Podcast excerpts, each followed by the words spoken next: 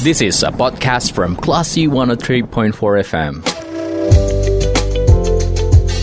Sumbar melawan Corona, persembahan Classy FM.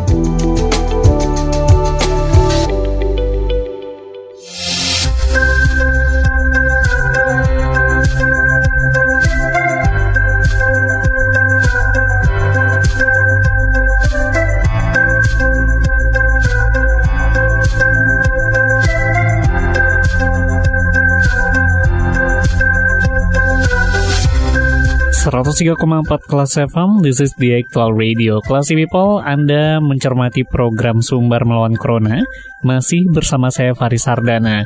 Kita akan berbincang bersama Kepala Badan Pusat Statistik Sumatera Barat, ada Ibu Herum Fajarwati, dan akan berbincang bagaimana dengan perkembangan ekonomi Sumatera Barat sepanjang tahun 2021. Kita akan sapa, Assalamualaikum Ibu Herum. Waalaikumsalam warahmatullahi wabarakatuh. Bagaimana kabarnya Ibu? Sehat? Alhamdulillah. Sehat. Alhamdulillah. Nah, uh, Ibu Herum, uh, boleh dijelaskan nggak Bu dari data BPS pertumbuhan ekonomi Sumatera Barat di tahun 2021 seperti apa, Bu? Iya, jadi selama tahun 2021 ini pertumbuhan ekonomi kita memang cenderung membaik ya. Hmm. Tetapi kita belum sampai dengan pertumbuhan triwulan 4 kita baru sampai dengan pertumbuhan triwulan satu. Eh, triwulan tiga, maaf. Hmm. Triwulan satu kita masih tumbuhnya negatif waktu itu, masih hmm. 0,16, negatif 0,16. Hmm. Karena memang di triwulan satu itu anggaran-anggaran juga belum berjalan secara efektif ya. Kemudian di triwulan dua pertumbuhan kita cukup baik, hmm. mencapai 5,74 persen. Hmm. Kemudian di triwulan 3 3,32 persen. Yeah. Nah sekarang BPS sedang memproses untuk persiapan penghitungan pertumbuhan ekonomi triwulan 4 yang hmm. akan kita rilis insya Allah pada bulan Februari nanti. Jadi itu kira-kira gambarannya. Dan kalau kita lihat dari data-data penunjang, yeah. insya Allah di triwulan 4 pun ini uh, kita harapkan membaik dilihat dari misalnya jumlah penumpang angkutan udara, kemudian jumlah impor bahan bakar kita yang hmm. meningkat dibanding 2020 mencapai dua kali lipat. Yeah. Mudah-mudahan ini kan menunjukkan bahwa aktivitas ekonomi kita semakin baik sehingga hmm. seperti bahan bakarnya juga uh, lebih banyak yang dibutuhkan. Kemudian tingkat hunian kamar hotel juga membaik akhir-akhir ini setelah dibukanya PPKM. Kira-kira seperti itu gambaran uh, globalnya. Ya. Berarti ada perbaikan dari 2020 ke 2021. Tapi apakah ya. angka yang sudah didapatkan Sumatera Barat di 2021 sesuai target atau seperti apa, Bu Herum? Ya, kalau kita untuk bicara target kita belum belum bisa ya karena triwulan 4-nya kan belum. Hmm. Jadi belum bisa kita bandingkan. Jadi mungkin nanti setelah triwulan 4 bisa kita hitung, hmm. baru kita bisa bandingkan. Kalau tadi yang saya sampaikan kan baru sampai triwulan 3, Ketiga, iya. kemudian ya. ya kemudian fenomena-fenomena yang uh, memperlihatkan bahwa ada geliat ekonomi hmm. seperti tadi jumlah impor bahan bakar, hmm. tingkat hunian kamar hotel yang meningkat, kemudian jumlah penumpang angkutan udara bahkan sekarang kan uh, jumlah pesawat yang berangkat maupun yang datang, yang datang ke Sumatera Barat? Ya, melalui BIM itu kan sudah lebih jauh ya volumenya atau hmm. jumlah penerbangannya udah lebih baik. Ini menandakan bahwa triwulan 4 itu fenomenanya cukup baik. Hmm. Tetapi kita belum bisa mengatakan bahwa pertumbuhannya seperti apa karena untuk hal-hal yang lain kami masih mengumpulkan data-datanya. Hmm. E, berarti berbagai sektor memang menjadi acuan data dari BPS eh, sektor-sektor apa saja lagi Bu yang memang menjadi hitungan data oleh BPS untuk menghitung uh, kenaikan atau pertumbuhan ekonomi Sumatera Barat? Apakah termasuk UMKM dan lain sebagainya? Ya, jadi kalau untuk uh, bicara tentang perhitungan ekonomi seluruh sektor memang harus kita hitung hmm. dari sektor primer seperti pertanian ya sampai dengan sektor tersier hmm. seperti jasa-jasa ini kita hitung. Dan untuk perekonomian Sumatera Barat ini, yang paling dominan memang masih sektor pertanian. Jadi Hmm. kalau sektor pertanian ini mampu bertumbuh, tentu akan sangat berpengaruh terhadap pertumbuhan. Iya. Jadi kita memang masih menunggu untuk produksi pertanian eh, triwulan 4 ini seperti apa kondisinya.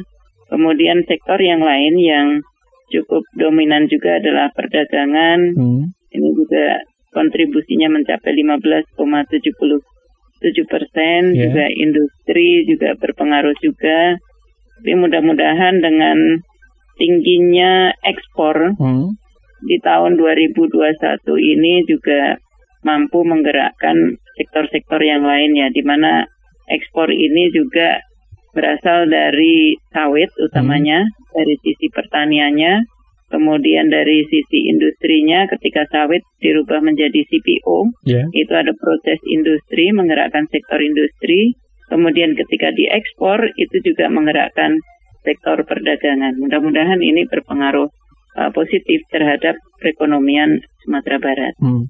Kalau dari hitungan BPS Sumatera Barat hingga triwulan ketiga Bu Herum, eh, sektor apa yang paling terasa membaik dan angka sumbangannya untuk perekonomian paling tinggi di Sumatera Barat? Kalau kita bicara dari pertumbuhan masing-masing sektornya, Hmm. itu sektor uh, industri pengolahan itu kemarin cukup tinggi ya. Pengolahan ini dibandingkan seperti apa, Ibu? Apakah apakah sawit menjadi CPO yang Ibu jelaskan tadi atau seperti apa, Ibu? Iya, iya. Itu yang paling dominan memang. Hmm.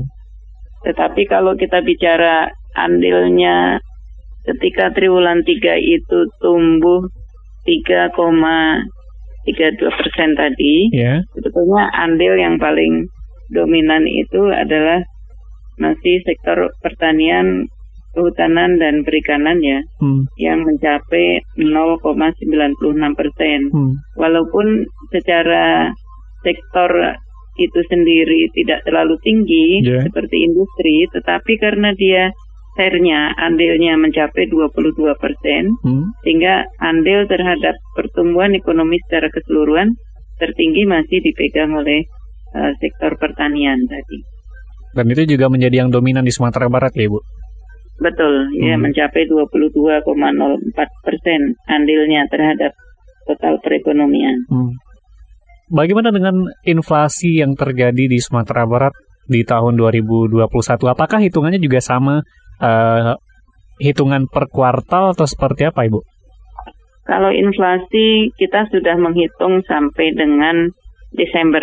Hmm. Tadi kita sudah rilis perhitungan inflasi kita dari Januari sampai dengan Desember tahun Hmm. 2021 itu sebesar 1,40 persen. Hmm. Cukup rendah, cukup rendah memang Hmm. ya di bawah 2 persen. Yang perkiraan pemerintah kan sekitar 2 persen. Tapi nasional juga memang di bawah 2 persen. Hmm. Nasional 1,87 persen. Iya. Jadi ini menandakan bahwa eh, mungkin karena banyak PPKM ya daya beli juga terpengaruh sehingga harga-harga tidak banyak yang naik Hmm. sehingga hanya 1,40 persen. Bahkan cabai yang biasanya naik di akhir tahun, akhir tahun ini justru turun harganya. Dengan angka 1,40 itu artinya seperti apa, Ibu? Ya, artinya eh, Apakah sesuatu yang bisa dikatakan membanggakan? eh, memang ini katakanlah eh, mungkin kurang menguntungkan ya untuk kondisi perekonomian karena agak agak rendah. Ya. Tetapi dari sisi lain ini menguntungkan bagi para konsumen Hmm. karena uang yang dibelanjakan itu tidak jauh berbeda Iya. mendapatkan jumlah barangnya dengan tahun sebelumnya Hmm. hanya naik sekitar 1,40 persen tadi kan. Hmm.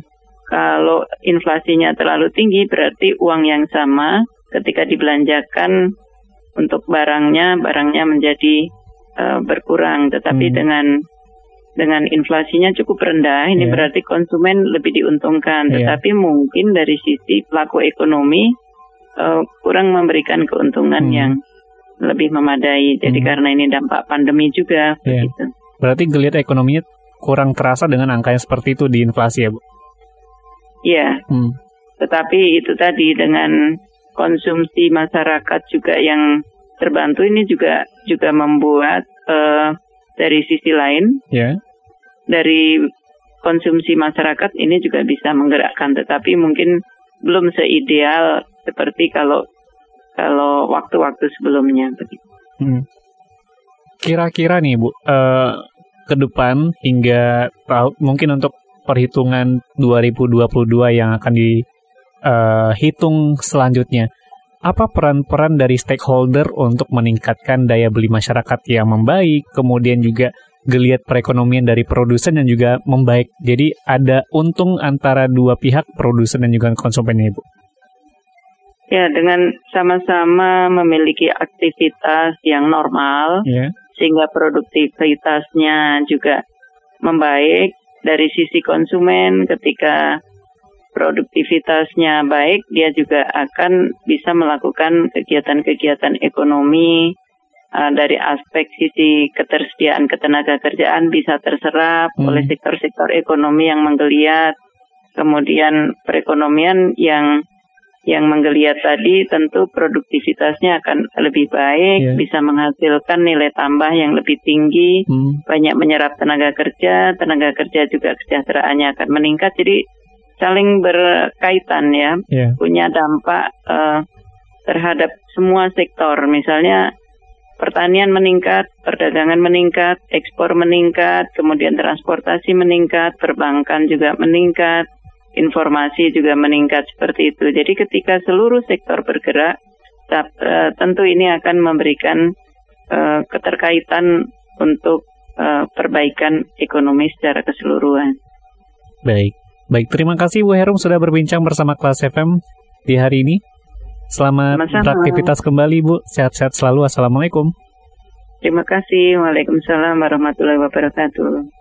Baiklah si people, ini berbincang kita bersama Kepala Badan Pusat Statistik atau BPS Sumatera Barat ada Ibu Herum Fajarwati dalam Sumber Melawan Corona. Saya Faris Sardana, kita ke program selanjutnya. Terima kasih. Anda sudah mencermati program Sumber Melawan Corona. Cermati podcast obrolan ini di www.classfm.co.id atau download aplikasi Classy FM.